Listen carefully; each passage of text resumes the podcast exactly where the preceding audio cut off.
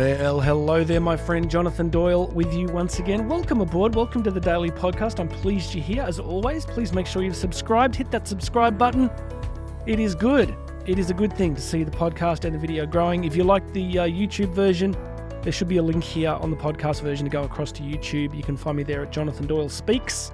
And uh, check out all the links here. I'm speaking live again in all sorts of places. If you'd like to book me to speak live at your school, your business, uh, I work with government, all sorts of different organizations. So if you'd like to book me to speak live and shape some particular content for you, please reach out through those links. Today I'm excited. I've just done the video versions in the studio, but now I'm back on the mic to record a short message for you that I just got yesterday from a listener question. I love listener questions. So if you're listening to this and there are particular topics, issues, blockages, barriers in your life, then I want you to reach out to me. Send me an email, jonathan at jonathandoyle.co.co. And, um, and we'll shape something just for you. But let me read you this a beautiful email where this person said to me, A topic that would be helpful is how to envision the future in a more realistic and optimistic way. I tend to always envision the worst possible outcomes for the future or my own personal future not helpful, I know. And I'm always working on not catastrophizing. A concept I came across lately that seems helpful is making friends with your future self. All right, let me hit these quickly. Uh, I want to say first, why do we? Why does this person always tend to envision the worst possible outcomes? So why are some of us pessimists? Uh, and it's not critical, right? It's not a, remotely a criticism. Now, there's a biological basis, so there will be issues in brain structure. And please be aware, my friends, that pessimism is not better or worse than optimism. We automatically assume that it must be better to be an optimist. But I always tell people, in terms of evolutionary psychology, optimists tended to get killed at a vastly greater rate than pessimists. So it's, it's an interesting story. But as we evolved as a species, Optimists tended to go and explore new things, new places, take greater risks, and ending up and they ended up dead a great deal more. So pessimism actually has a very, very useful evolutionary advantage to a degree. But of course, if we're too pessimistic, you never leave the cave, you never go outside the campfire of the tribe, you never discover anything else, and life stays very much the same or gets worse. So what we want, obviously, is this balance between the two, or, or maybe context dependent, right? Context dependent. We want to be using these different things to serve us at the right times. So, give you another example. I always say to people, you do not want an optimistic airline pilot. You don't. You really do not want a super positive, optimistic airline pilot. The kind of pilot that goes, ah, oh, who needs checklists? We don't need checklists. Well, who cares? What's the point? Then you know, we'll just we'll be fine.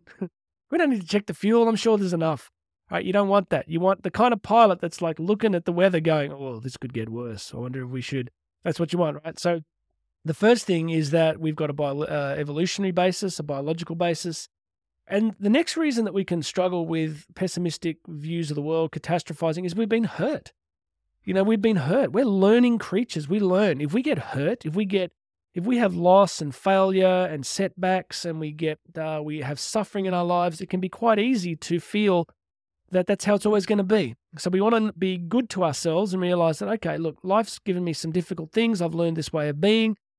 We recognize it so that's the next thing is we recognize it. We start to notice these things. I've regular listeners know i talk about this all the time. We've got to get really really good at recognizing. So if you're struggling with catastrophizing what you want to do is catch yourself relentlessly in the act. Relentlessly. You want to go, oh, I'm doing it again. Oh, I'm doing it again. Remember the quote from a few episodes back that I gave you from Mark Twain, where I Mark Twain said uh, something like, you know, I used to worry about all these terrible things happening to me and none of them ever actually happened. That's a bad paraphrasing of it. You know, he was saying that he spent so much time worrying about the worst and the worst almost never happened. And I always say to people, if the worst does happen, guess what? You're going to navigate that as well people like, oh, I couldn't navigate it. Yes, you could. You will. You would. You would navigate just about anything. Doesn't mean it wouldn't be hard. Doesn't mean it wouldn't leave you with scars and and pain. But humans are the most resilient species. So no matter what happens in life, you're actually going to be able to come back from it, and sometimes come back from it much stronger. So let's catch ourselves in the act of catastrophizing, right? Catch yourself in the act. That's one of the first big steps to change in any area. You want to change your body, right? What do you got to do? You got to catch yourself in the act of, oh, I'm about to eat three hamburgers again. stop yourself in the act, put in place a different strategy. I use this stuff all the time. You know, just being aware of what you're about to do or think or say, and then looking for a better strategy. Now, I want to talk particularly where they talk about having a more realistic and optimistic vision of the future. In the video version, I go deeper on this, but what really jumped out for me in this episode, this question, was this concept of realistic. What does it mean to have a realistic view of the future? First thing, we're not in the future, so we don't know what it's like. So, how do you have a realistic view if you're not there? You haven't seen it. Yeah, it's like trying to imagine something that hasn't happened yet.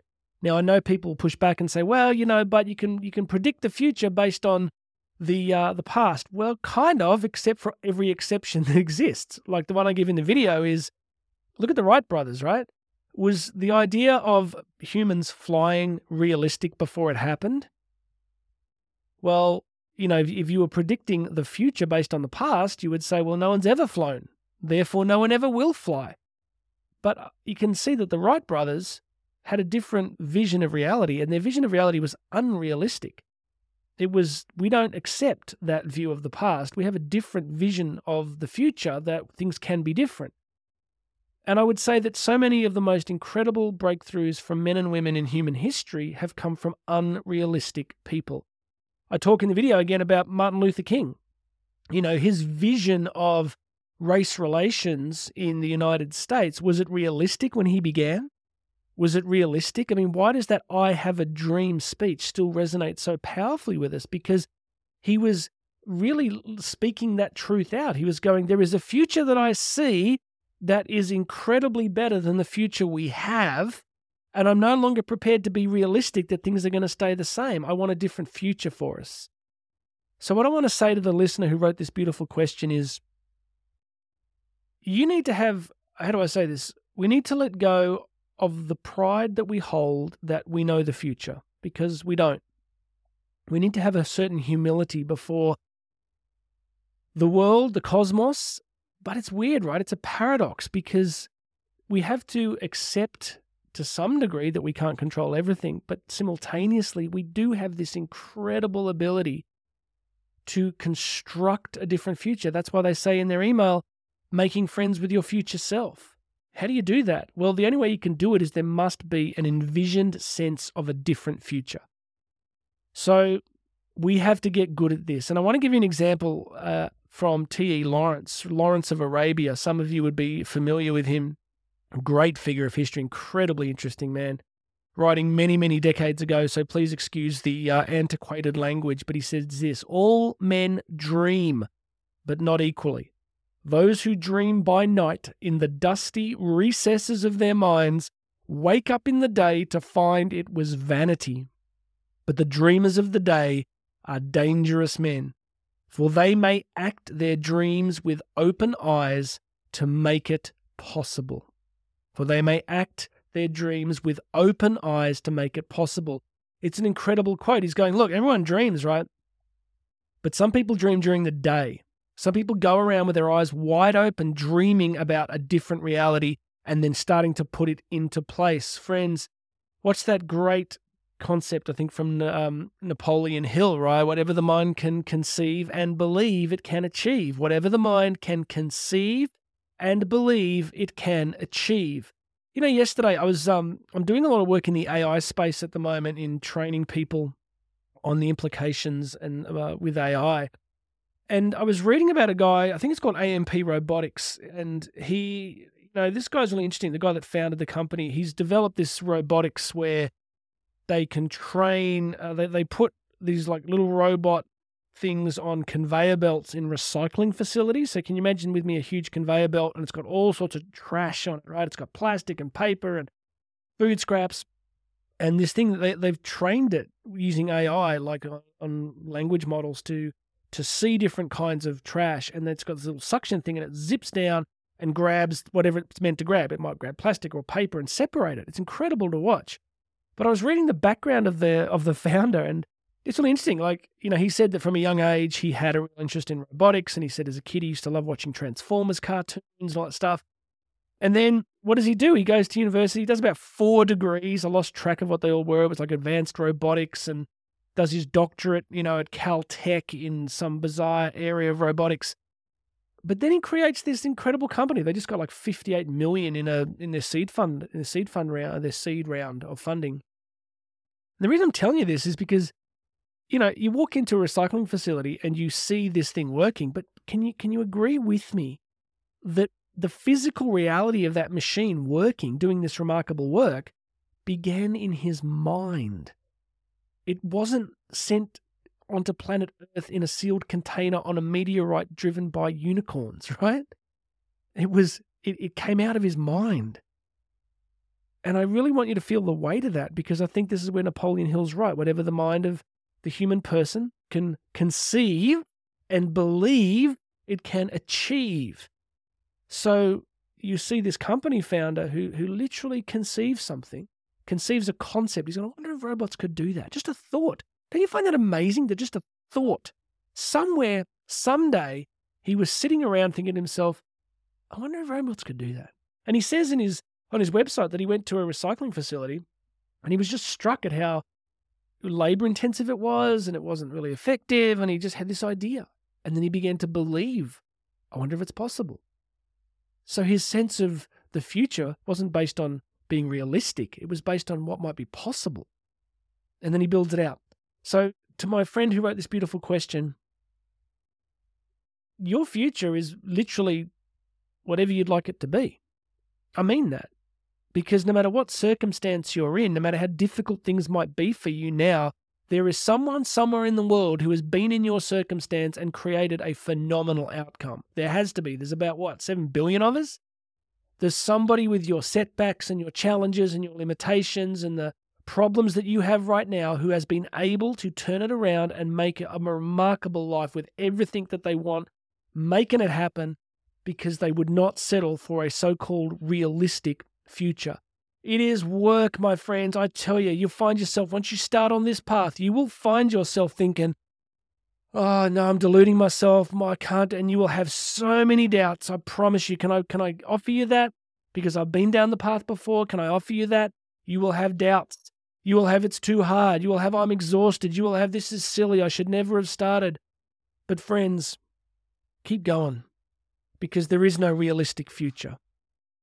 You can't predict the future based on the past. Well, you can if you want the same. If you want the same, if you want to have a great big smorgasbord for the rest of your life of the same, imagine going to a, a restaurant, there's a huge smorgasbord, and in everything there is the same bland, like, you know, you know, like soup or mashed potatoes. It's in every container. There's like 50 containers and they all got the same thing. And you're like, why? it's not very interesting.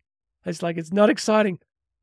But if you want a smorgasbord of the same, then settle for what you're going to tell yourself is a realistic future. If you want an amazing smorgasbord with all the things in there, the people, the experiences, the the the the, the wealth, the health, the spirituality, if you want that kind of smorgasbord, then today is the day that you surrender your belief in a realistic future and you begin to celebrate and walk towards an unrealistic future that you will build based on the deepest dreams in your heart and the thoughts in your mind in congruence with the deepest desires of your heart will launch that journey and will start you on the journey to meeting your future self. Let's get it done. Let's get after it. Take some action today. My name is Jonathan Doyle. This has been the Daily Podcast. Share this with someone today who needs encouragement, who needs a kick up the pants. Grab this link, send it to them, say, hey, listen to this. Please make sure you've subscribed. You want to book me live to work with your team, your corporation, your school, your business, go check out the links below. God bless you, my friend. You got this. My name is Jonathan Doyle. This has been the Daily Podcast. You and I are going to talk again tomorrow.